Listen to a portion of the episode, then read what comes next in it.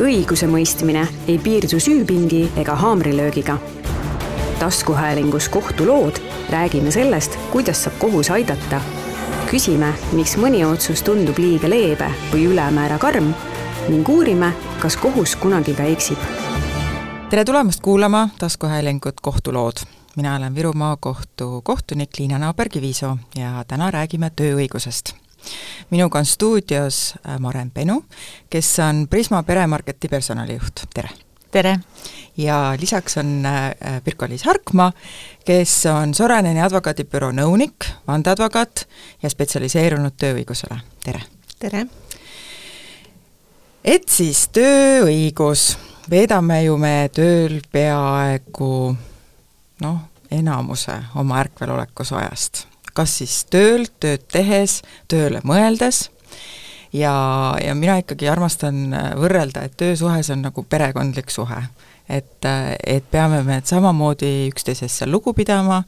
üksteise veidrusi arvestama, austama üksteist ja, ja siis, kui, kui ikkagi seal suhted sassi lähevad, siis ka need suhted ilusti ära lõpetama. aga vahel ei saa me sellega väga hästi hakkama ja siis tekivad töövaidlused et kuidas teie kogemus on, et äh, ühtepidi siis tööandja poolelt ja teist siis nõustaja poolelt, kuidas ühte töövaidlust pidada? no personali vaates ikkagi me soovime, et me töövaidlusteni üldse ei jõua. et äh, me teeme kõik selleks, et, äh, et nii-öelda kodu oleks korras, et reeglid oleks selged ja, ja tänu sellele siis ongi see üksteise mõistmine on, on niivõrd hea, et, et neid vaidlusi äh, selliseid tõsiseid vaidlusi, mis on siis nagu nii-öelda ametlikult juba töövaidlused, et me sinna tegelikult ei jõua, et selliseid arusaamatusi, äh, möödarääkimisi, mittemõistmisi juhtub igal pool ja neid juhtub äh, igas, igas valdkonnas. et pigem need kohe selgeks rääkida, kohe nendest aru saada ja, ja, ja nii-öelda nagu puhtalt lehelt edasi minna et siis tihti selle töövaidluse aluseks ongi üksteise mittemõistmine väga sageli mina ütleks, et meie kogemuse põhjal küll, et et sellist noh, teine vaade võib olla, et seal on mingi pahatahtlikkus või mingi selline äh, Äh, jah, mingid kurjad mõtted kellelgi peas, et, et pigem see on, need on üliharvad juhud, et tegelikult äh, see nii-öelda pall hakkab veerema sellisest lihtsast üksteise mõist-, mittemõistmisest, äh, arusaamatusest, tõl-, valesti tõlgendamisest või erinevalt tõlgendamisest. ja, ja, ja kui seda nagu koheselt siis ei tagasisidesta, ei väljenda oma võib-olla seda tunnet või mõtet, et kuulge, et mis, see kuidagi tundus ebaõiglane või või et ma ei saa aru, miks, miks selline tagasiside, ja see jääb kerima, siis siis nii-öelda see võib jõuda lõpuks, või seda ei olda valmis ka võib-olla selgitama, et või oma, oma arvamusi põhjendama nii-öelda rahulikult ja argumenteeritult. et, et siis võib hakata see kerima ja, ja lõpuks ta kerib nii, et, et seda probleemi tegelikult ei ole, aga emotsioon on väga suur ja enam nagu nii-öelda rahulikult ühe laua taha istuda ei ole võimalik aga me ei ole ju väga ar-, ei armasta seda üksteisega rääkimise kunsti. et kuidas, kuidas seda siis turgutada, et äh, minu meelest on meil väga tihti ju mure selles, et et igasugustes suhetes me hoiame pigem nagu endale ja ei taha seda, seda peegeldada, mida me tunneme, ja, ja siis kogume, kogume, kogume ja siis toimub plahvatus. et kuidas, kuidas tööandjana oleks võimalik seda siis võib-olla soodustada äkki? Tegelikult on võib-olla vastupidi, et inimesed tahavad rääkida, aga, aga,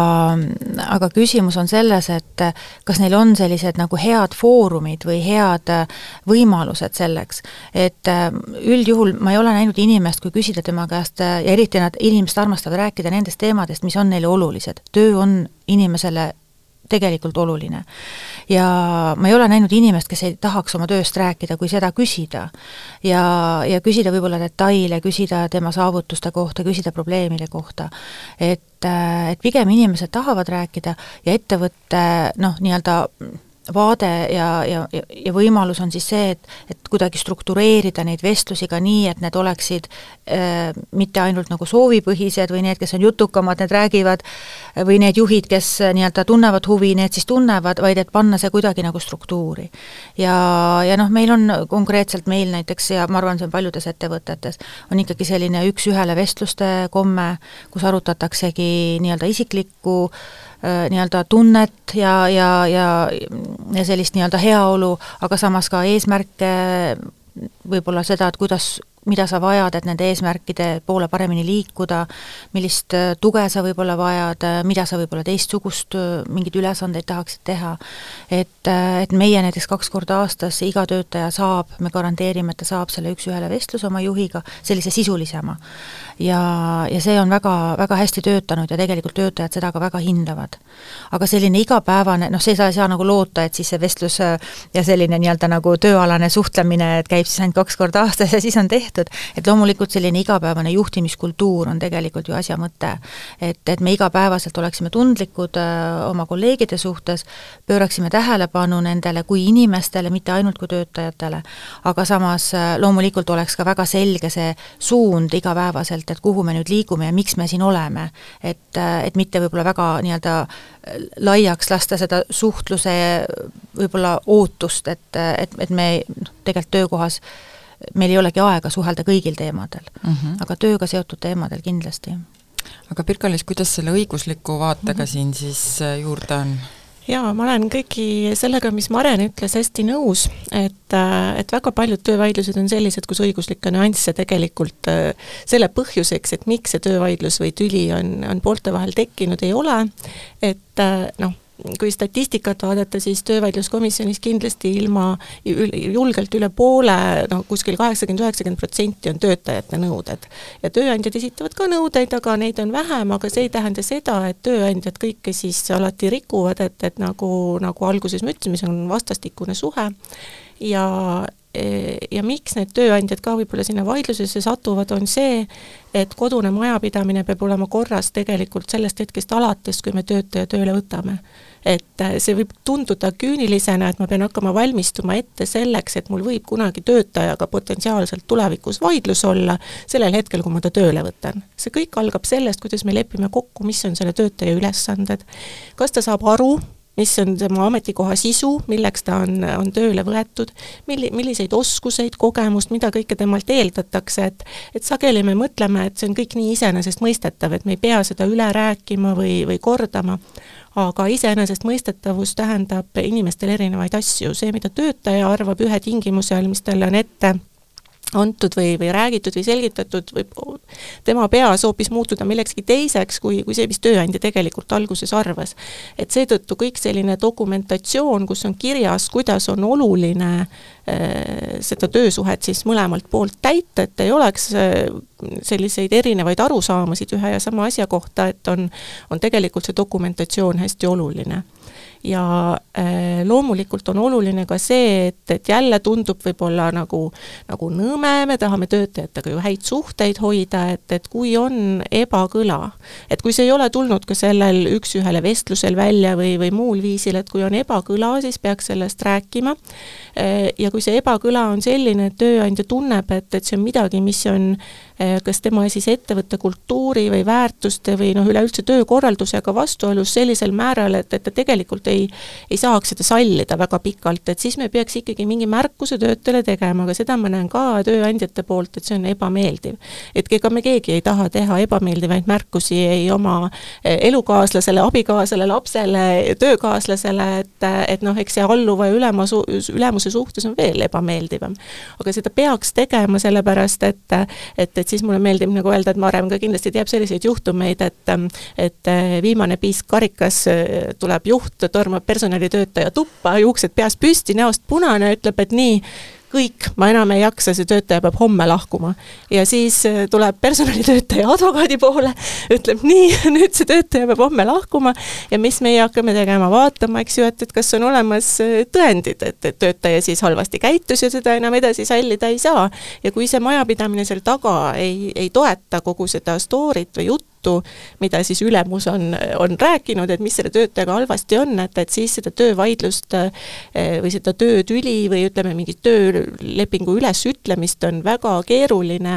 eh, täide viia või, või ka tööandjale kasulikult vaidlust lahendada, sest kui noh, nagu öeldakse, see klišee, et töö on tellija materjalist, et advokaat ei saa ka alati siis enam aidata, et eks me võime igasuguseid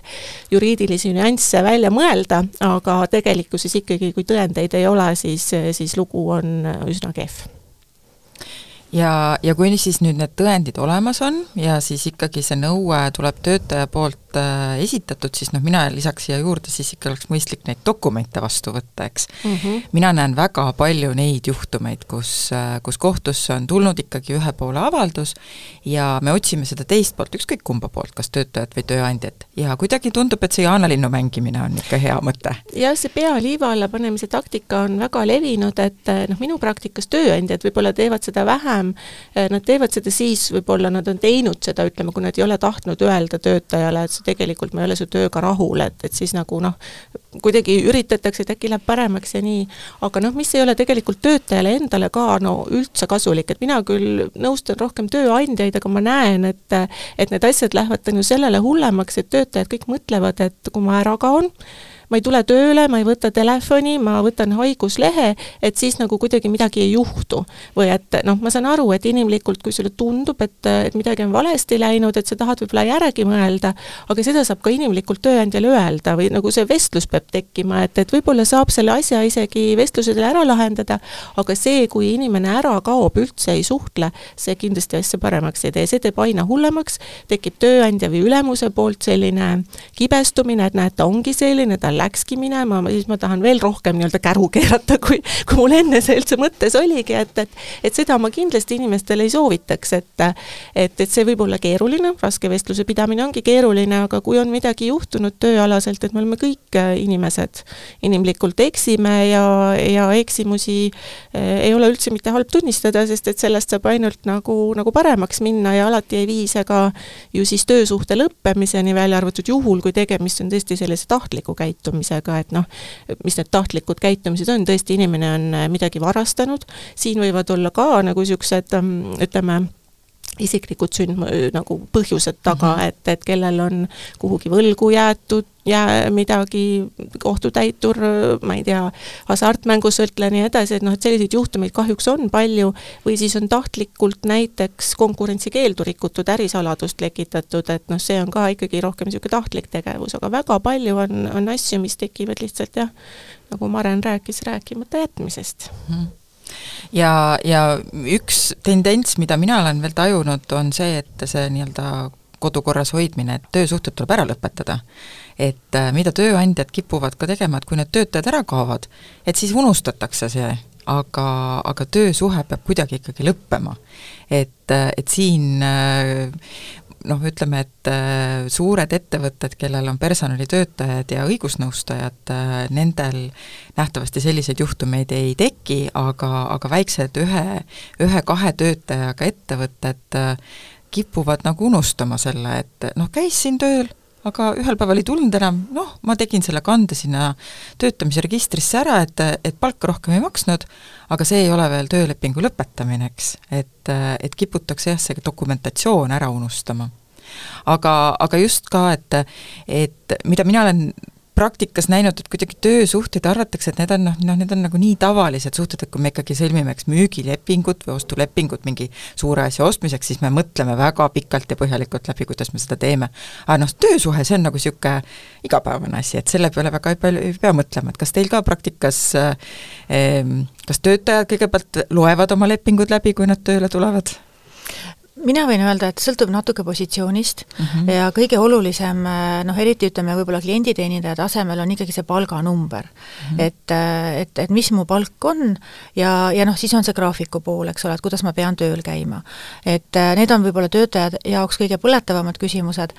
aga me oleme endale võtnud selle kohustuse ja vastutuse, et tegelikult anda seda laiemat pilti töötajale, sest lõppkokkuvõttes äh, teda jah, huvitab palk ja graafik, aga tal on tegelikult endal ka väga oluline teada, mis on tema õigused, mis on äh, näiteks ka tulemustasu pool, kui veel tasust rääkida, mis on tulemustasu, mis on ettevõttepoolsed soodustused, mis on äh, kogu see pakett, mida me tegelikult pakume, sest äh, noh, üldjuhul ettevõtetes ei ole ainult palk ja kõik, et, et mis on nagu see veel, see laiem teema, teema, mis on tema õigused ja loomulikult, mis on see roll ja mis on need meie väärtused, mille, mille pinnalt nii-öelda me opereerime ja mis on tema kohustused ja ka noh, tõesti seda, et et kui ikkagi mingisugused noh, nii-öelda kriitilisemad teemad, et kui sa tõesti ei saa hommikul tööle tulla, et, et, et palun siis anna seda koheselt teada. sellised noh, baasasjad, me oleme võtnud selle enda vastutuseks selle läbi käia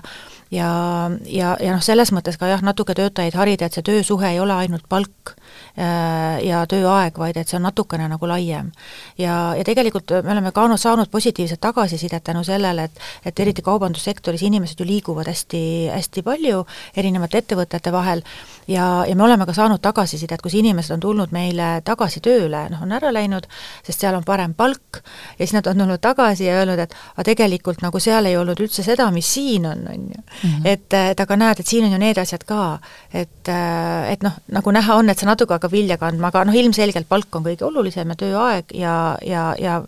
me ei saa nagu eeldada, et nad ise võib-olla nii täpselt äh, uurikski teisi asju, et me oleme ettevõttena ise seda nii-öelda, äh, seda vastutust siis võtnud mm. -hmm. teisest küljest ütluseks on ka tööandjaid, kes ei loe oma töölepinguid.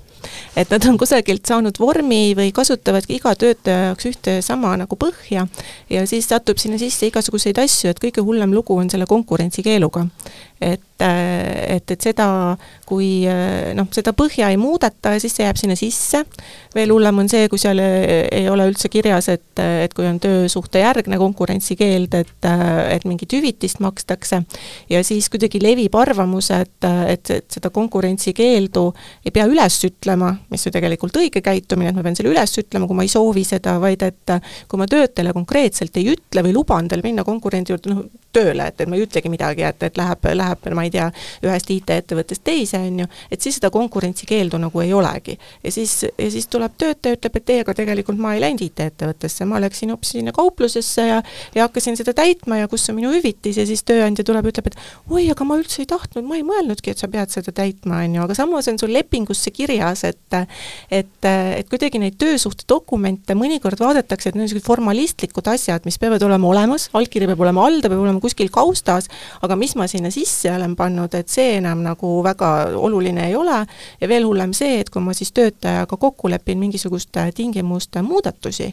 et siis ma neid ka ei vormista ja siis jälle jõuame sinna vaidluse juurde, et et hakka siis näpuga taga ajama, et mis ta siis ülesanded olid ja mis ta töötasu oli ja ja mis on veel üks suur viga, et tööle võtmisel näiteks lubatakse töötajale maad ja ilmad kokku, et igasuguseid toredaid hüvitisi, aga kui me oleme kuhugi kirjalikku pakkumisse need pannud, me oleksime nagu teada andnud töötajale, et, et vot, sul on õigus seda, seda saada, ja siis, kui ma mõtlen poole pealt ümber ja neid ei paku, et noh, siis võib olla, olla probleem, oleneb muidugi, millises kõneviisis see on seal lubatud, aga aga noh, unustatakse ära, et, et see suhe peab pikalt kestma jääma, et ei ole nii, et, et oh, sain töötaja kätte või töötaja vaatab, et oh, sain heasse kohta tööle ja siis rohkem ma enam nagu selle formaalse poolega nagu ei tegele.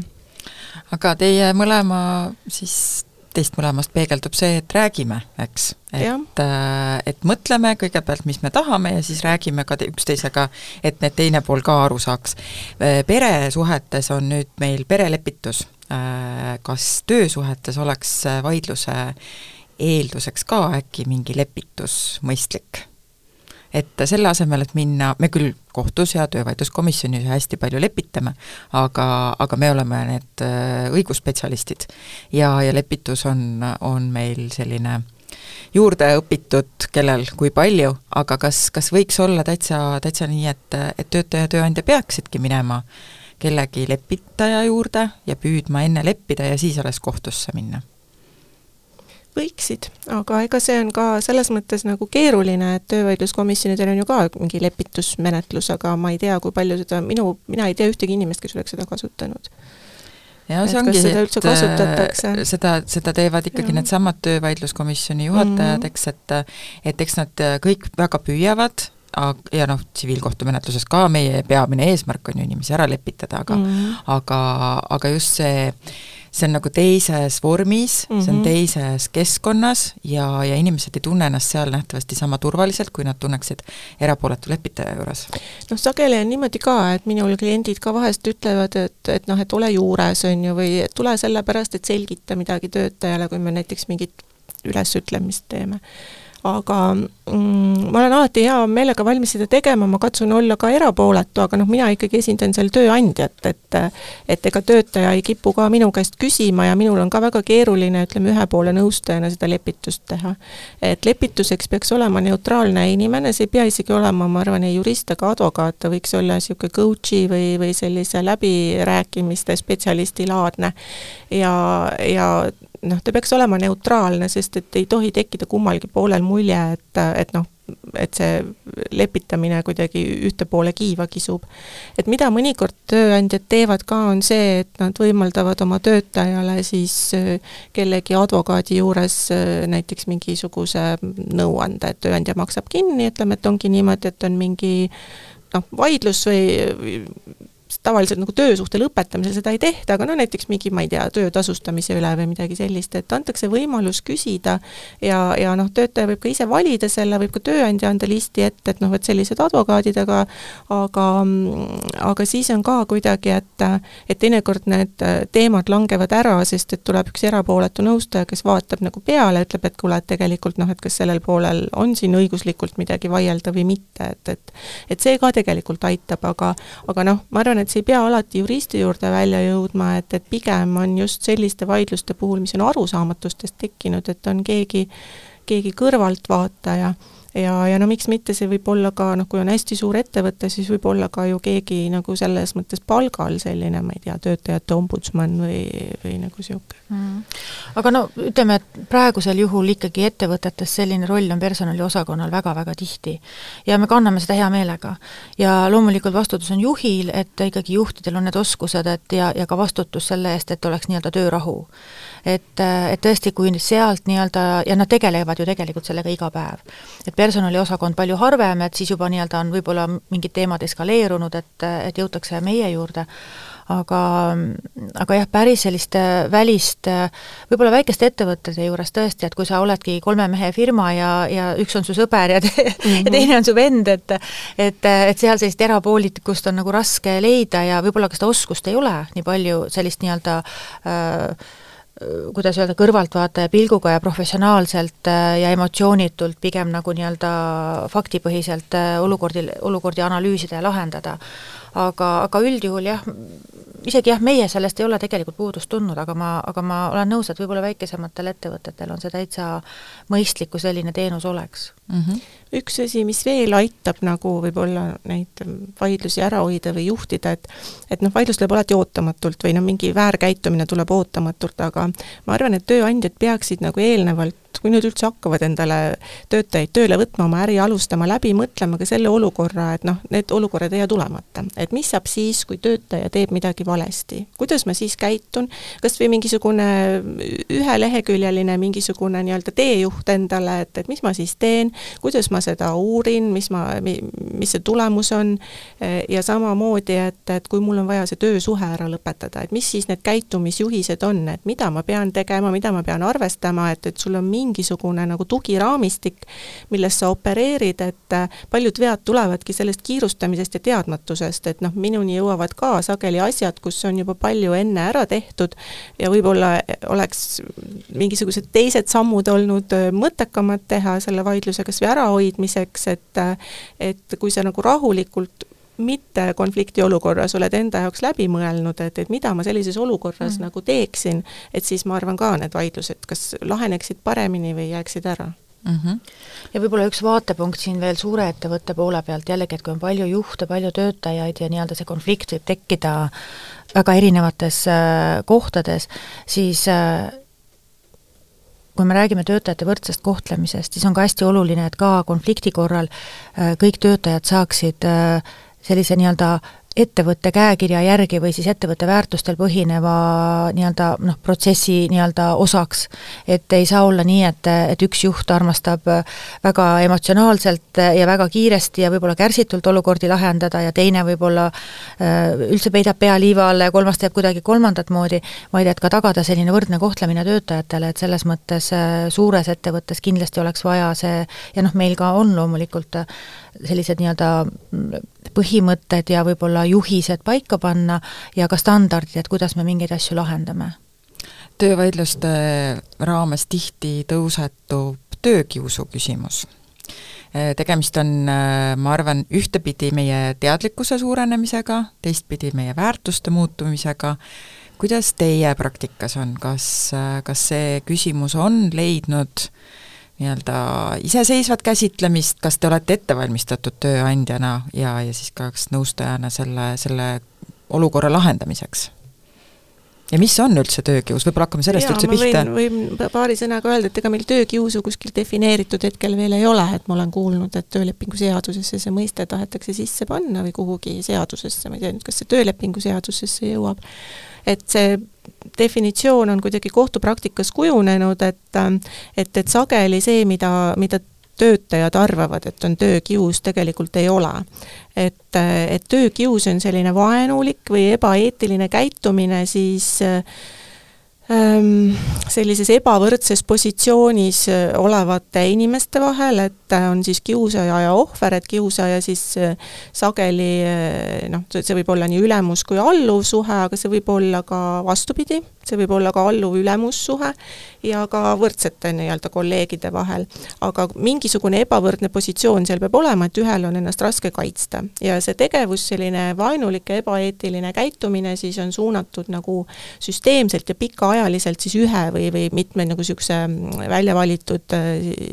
inimese suunas, et see võib olla verbaalne suhtlus, igasugused sotsiaalsed tegevused, äh, psühholoogilised manipulatsioonid, et näiteks hoitakse infot kinni või või ei kaasata töötajat kuhugi, aga noh, see võib väljenduda ka täiesti sellises ebaviisakas käitumises, ebatsensuursetes sõnades, et et et see on nagu hästi eripalgeline. aga mida sageli töötajad töökiusuks peavad ja mis ei ole, on sellised ühekordsed pingelised olukorrad, et kus kelle, keegi on läinud närvi, võib-olla see kõik tundub ebaõiglane ja on tõstnud häält keegi kellegi peale ja sageli arvatakse, et töökius on ka konstruktiivne kriitika. et kui meil on näiteks arenguvestlused või, või mingisugune noh, töötaja töötulemuste hindamine või tema oskuste hindamine, siis kui see eh, hindamise tulemus on mingis osas negatiivne või ebarahuldav, et, et siis sageli tekitab see, muidugi õudselt ebaõiglane tundub, et tahaks olla ju tubli töötaja, et, et see tekitab nagu niisuguse olukorra või niisuguse tunde inimeses, et noh, et, et tegelikult ta kiusab mind, on ju. ja äh, ja tegelikult see töökius ei ole, et tööandjal on õigus, eks ju, öelda oma töötajatele, millise standardi või kvaliteediga tööd peab tegema ja mis need ähm, siis ootused ja, ja töökohustused on. ja sageli arvatakse ka, et noh, et kui näiteks töökorraldust muudetakse, et ma ei tea, nagu tööaja algust või lõppu või et, äh, et see on ka töökius, et nüüd ta tahab, et ma hakkaksin õhtul kella kaheksani tööl käima, on ju, et väga ebaõiglane, et mind kiusatakse, aga äkki vahel võib olla? Vahel võib olla, aga noh, see peab olema siis, ta peab nagu ütleme, töökorraldus nagu, et see on pikaajaline ja, ja süsteemne tegevus, et kui seda töökorraldust muudetakse võib-olla iga päev mm, -hmm. et, mhm. et homme tule nii, ülehomme tule naa ja see nagu tõesti ei võimalda inimesel noh, on, et see peab olema niisugune tunnetus ikkagi, et see on vaenulik et ega me ei saa ka välistada, et töökorraldus nõuab sellist, sellist äh, muutmist. ja noh, mis sageli ka, et umbes kui keegi saab noomida või hoiatada või kui koondatakse või noh, isegi siis noh, vahest kuuleb, et, et tegelikult on see töökius või, või minu vastu suunatud tegevus vaenulikult. no eks see igal, see ongi, et ta tekib ju ebameeldivates situatsioonides, et kui, mhm. kui ikka töövaidlus on, siis ikkagi kiusati ka. et ja. Äh, vist nagu niisugusel rahumeelsel töösuhte käigus ju aga neid nõudeid ei jõua väga palju, et, et tegelikult ähm, me kõik teame, et see toimub, on ju. ja, ja mina olen näinud ka tegelikult kõrvalt seda, kuidas on alluvad ülemust kiusanud, et tuleb uus ülemus ja ta lihtsalt nii-öelda rahvakeeles süüakse välja. et et, ähm, et aga noh, teadlikkus küll kasvab, aga aga see on niisugune psühholoogiline asi, et inimene hakkab mõtlema, et aga äkki ma olin selle ära teeninud, äkki ma ise olen süüdi, et äkki ma reageerin üle. Ja, ja noh, siis tekibki see nagu see inimlik piinlikkuse tunne, et minuga ei saa ju niimoodi juhtuda ja järelikult noh, ma ei tee sellest välja, ma pigistan silma kinni, et, et samamoodi noh, see teadlikkust tuleb ikkagi nagu rohkem tõsta mm. -hmm. et koolitada kas või ma ei tea, oma keskastme juhte, juhte, töötajaid, et nagu õpetada seda ära tundma. jaa, ma olen väga nõus, et sellist nii-öelda konfliktiolukorda ju igapäevaelus ikkagi tekib just nende samade arusaamatuste või tagasiside pinnalt, et äh, ja, ja siin on nagu hästi oluline juhte, juhte kaasata ja juhte koolitada. Noh, võib-olla see vaimse tervise pool ei ole nii palju veel võib-olla jaekaubanduses, ta ei ole nii suurt kõlapinda leidnud, sest tegelikult kuidagi see on lihtsalt nagu kuidagi tervem keskkond, kus töötada, on ju, aga, aga pigem selline toon, et kuidas me mingeid asju teeme ja see põhineb ikkagi meie väärtustel. et kui sa annad tagasisidet, et kuidas sa annad, et need noh, vahest aitavad ka need väiksed sellised professionaalsed oskused, et sa ei kritiseeri inimest, sa nagu räägid sellest olukorrast, äh, mis hääletooniga sa seda teed, eks ole, ja kuidas sa seda teed. et, äh, et jah, siiamaani meie oleme saanud need asjad nagu lahendatud ja noh, väga-väga meie väärtuste vastu on igasugune selline dis-, diskrimineerimine, kiusamine. et, et siin ma kuidagi tajun, et, et nendel juhtidel ja nendel töötajatel, kes meil töötavad, et nendel endal, nad, nad nagu harmonee-, kuidagi on samas vaibis nende ettevõtte väärtustega ja see kuidagi ei jah, see nagu ei, ei, ei sobi ja kõik saavad sellest aru ja kuidagi see, see tole, tolerants on, on noh, põhimõtteliselt nulltolerants. ja jah, ja kui on sellised inimesed tööl ja sellest nagu aru saadakse, siis siis noh, neid olukordi kindlasti võib tekkida, aga, aga jah, kui see nii-öelda võtmesõna on pikaajaline ja süsteemne, siis noh, ma ütleks, et meie protsessid seda üritavad igatpidi välistada, et see, et see ei saaks muutuda, mingi, mingi osa ei saaks kuskil muutuda nagu äh, Äh, üldse nii kaugele minna aga kuidas tööandja saaks seda kõigepealt ära tunda ja teine asi juba nagu ennetavalt sellega tegeleda, et äh, sa ütlesid, et protsessid äh, välistavad seda, et kas teil on mingisugune siis juhend või, või, või mismoodi te teete seda? Meil on tegelikult niimoodi, et needsamad need üks-ühele vestlused, mis tegelikult annavad selle nii-öelda nagu baasi äh, üldse nii-öelda normaalseks suhtluseks. ja, ja loomulikult, äh, ja siis meil on olemas töötajate rahulolu-uuring, mis on kord aastas, mis on täiesti anonüümne, aga seal saab anda ka nii-öelda vabasid kommentaare, kus inimesed äh, nii-öelda jagavadki täiesti avatult oma mõtteid ja see kord aastas selline suurem küsitlus on küll väga hea, aga meie küsime ka kord kvartalis juurde sellise pulssuuringu kaudu ka igapäevastel teemadel nii-öelda äh, küsimusi, aga ka alati on seal nii-öelda see vaba, vaba väli, kus sa saad nii-öelda oma mõtteid, oma tundeid, oma hetkeemotsioone jagada. ja, ja, ja tihti sealt tuleb välja mingid sellised näite-, väiksed õrnad ohukohad, mida ka võib-olla juht ei ole märganud ja jällegi see annab võimaluse kohe sellega hakata tegelema. ja kui on, ja, ja loomulikult on, on see mudel, et kui sa oma juhiga ei saa noh, olukorda lahendada, sa võib-olla proovid ükskord kord, kaks korda ei saa, sul on alati võimalus minna järgmise taseme juhi juurde või tulla personalijuhi juurde, nii-öelda kaasata teist taset, meil on uksed avatud ja inimesed noh, tunnevad ennast mugavalt, suheldes nii-öelda tasemete vahel. ja, ja veel on, veel on meil see vilepuhuja kanal, mida noh, jällegi, mis on juba nagu nii-öelda päris viimane samm, enne kui sa, kui sa lähed kuskile majast välja seda probleemi lahendama, et me oleme kõik need nii-öelda nagu võimalused loonud, et see olukord eos ära lahendada ja mitte lasta sellel paisuda mm. -hmm. sest jällegi, kui me jõuame juba nii-öelda juristide ja advokaatide juurde, et et siis noh, sellist nagu rahumeelset ja sõbralikku kokkulepet noh, on palju-palju raskem saada ja ka seda probleemi lahendada, et siis on juba nagu emotsioonid laes ja võib-olla pettumus nii suur, et, et seda kompromissi seal keegi enam ei näe. kas sa tajud ka äh, generatsioonide vahelist erisust siin. et öeldakse ju seda, et noored inimesed on nii tundlikud, miks ei tohi neile midagi öelda, et, et kohe on mingi kiusamine, et kas, kas see nii on kõigepealt ja, ja kas, kuidas sellega tegeleda, sest noh, paratamatult, eks meil tekivad erinevad ju generatsioonid tööle mm. -hmm seda, ütleme, generatsioonide vahe on kindlasti olemas, ma võib-olla seda jälle üle ei tähtsustaks, sest on ka veel täitsa palju teisi erinevaid äh, nii-öelda viise, kuidas nii-öelda grupeeri, grupeerida nii-öelda erinevaid äh, arusaamisi maailmast. aga, aga jah, see on, et, et on, on inimesi, nii nooremaid, aga kui ka vanemaid, kes äh, näiteks suhelda mingil põhjusel enam ei taha või ei oska. Ja, ja kellele nagu selline füüsiline suhtlus tundub äh,, mitte ei tundu, vaid ongi nende jaoks väga raske ja, ja see natuke noh, kui me mõtleme kaubandustöö, mis ongi, eks ole, suhtlemine, noh, esimesena tuleb meelde nähtavasti kassapidaja, kes on kassas, kes naeratab, kes suhtleb, siis ähm, näiteks meile väga tihti tahab tulla töö, tahavad tulla tööle inimesed, kes ütlevad, et ma tahan tulla kaupa riiuldama ja ma ei taha, ma ei taha mitte kellegagi suhelda ja, ja neid on nii nooremate seas kui vanemate seas ja see on selline nagu üks trend, mida me näeme, et seda et kohati inimesena me vajame seda inimlikku suhtlust, aga on väga suur selline hulk inimesi, kes üritavad seda vältida ja nad ütlevadki, et et neil ei ole mingi, ma ei tea, diagnoos, et nad ei, et see on kuidagi nende jaoks tervislikult raske, aga neil ei ole enam seda harjumust ja oskust et, et noh, näiteks see on selline üks, üks, aga, aga noh, on, on ka väga palju kas kultuuritaustast, lihtsalt,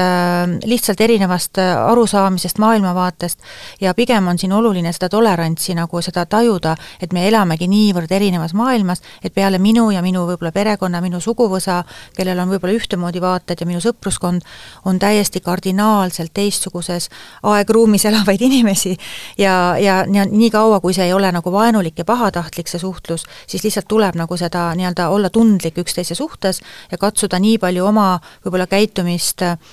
korrigeerida kui võimalik, aga samas loomulikult sa ei saa nagu ennast sada protsenti jälle teiste, teiste järgi sättida ja noh, töösituatsioonis me äh, nagu tööandjana üritame seda nagu hoida selles töökeskkonna raamis ja tööülesannete raamis, et kui sul on tööülesannete jaoks vaja suhelda, siis noh, on ju, et sa, sa pead sellega arvestama, kui sa tuled tööle ja nii edasi. aga mis on võib-olla selline uus,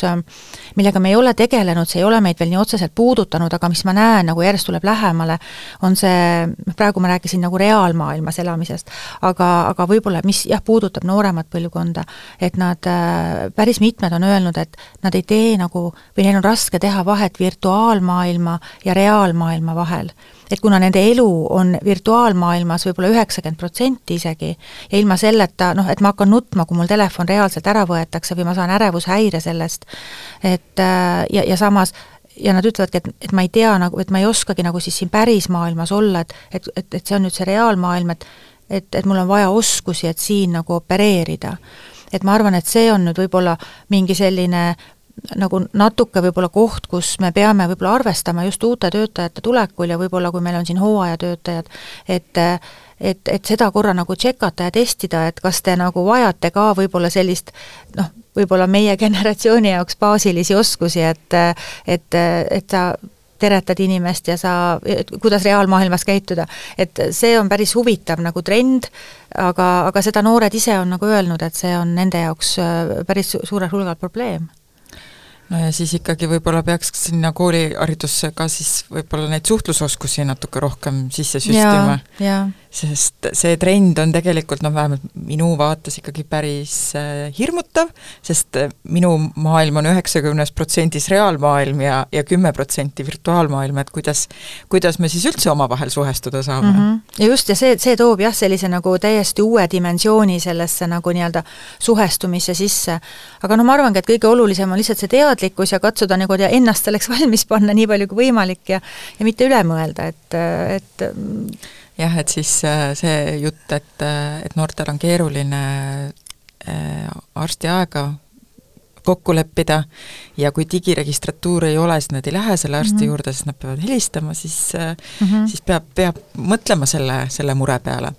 aga sa nimetasid vilepuhumist, et Pirkolis kas vilepuhumine on midagi sellist, mis äh, meil on nüüd äh, äh, nii-öelda populariseerumas või? no see kõige noh, populaarsem viis sellest rääkida on see, et Eesti ei ole vilepuhumise direktiivi üle võtnud, aga see, see direktiivi mõttes vilepuhumine on midagi muud kui ütleme, selles mõttes tööalastes sellistes kahepoolsetes su suhetes siis töötaja ja tööandja vahel nii-öelda vilepuhumine et, et see vilepuhuja direktiiv räägib siis äh, nende rikkumiste avalikustamisest äh, selle kanali kaudu, mis puudutavad siis Euroopa Liidu õiguse rikkumist, aga ta välistab sealt need kahepoolsed töösuhted et, äh, et aga mõned ettevõtjad ka on, on selle vilepuhumise kanalisse nagu kõik erinevad kaebused kokku liitnud, et, et sellest ei ole ka midagi hullu. et äh, see on kindlasti hea, kui on selline koht, kuhu, äh, kuhu siis saab oma, oma nii-öelda mured suunata. No muidugi palju soovitakse teha seda anonüümselt, aga kui see on anonüümne mure, siis selle konkreetse töötaja muret see tõenäoliselt ei lahenda, sest keegi ei tea, et kes see on. et, et seetõttu pigem ta võiks olla ikkagi Äh, võimalik olla kindlaks teha, et, et kelle mure see täpselt on ja, ja need inimesed, kes siis nagu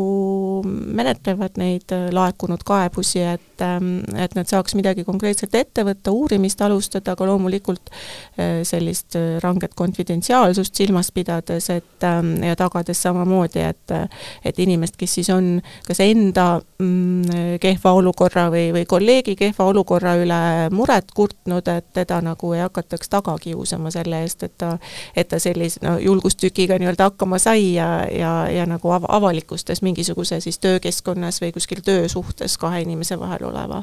probleemi, et, et aga see on ju üks viis, et kui ei taha teinekord ka personalitöötajale võib-olla otse näost näkku rääkima minna, et võib-olla sellisele nutipõlvkonna noorele on see, on see päris hea viis oma, oma mure, muret kurta. aga, aga nutipõlvkonna noorele ja tehnoloogia arengule mõeldes ai töösuhetes, et kas, kas saame juba täna kasutada ai-d? ma arvan, me juba kasutame, me isegi ei tea, et me kasutame. et et, äh, et no mis see tehis, võib-olla nagu korra räägiks, et mis see tehisintellekt on, on ju. et see ei ole üks robot kuskil selline inimkujuline. et, et see tehisintellekti all peetakse silmas siis selliseid masina inimlaadseid võimeid. et ta, et ta teeb samamoodi nagu inimene, see õp-, on mõtlemisvõimeline, õpib, planeerib, on loov võib-olla mõne, mõnel määral. ja, ja siis need tehnilised süsteemid äh, on võimekad oma keskkonda tajuma, nad töötlevad neid tajuandmeid, äh, lahendavad mingeid ülesandeid ja samas ka siis siis õpivad selle kõige käigus analüüsivad oma varasemaid toiminguid ja, ja siis äh, hakkavad siis oma käitumist kohandama.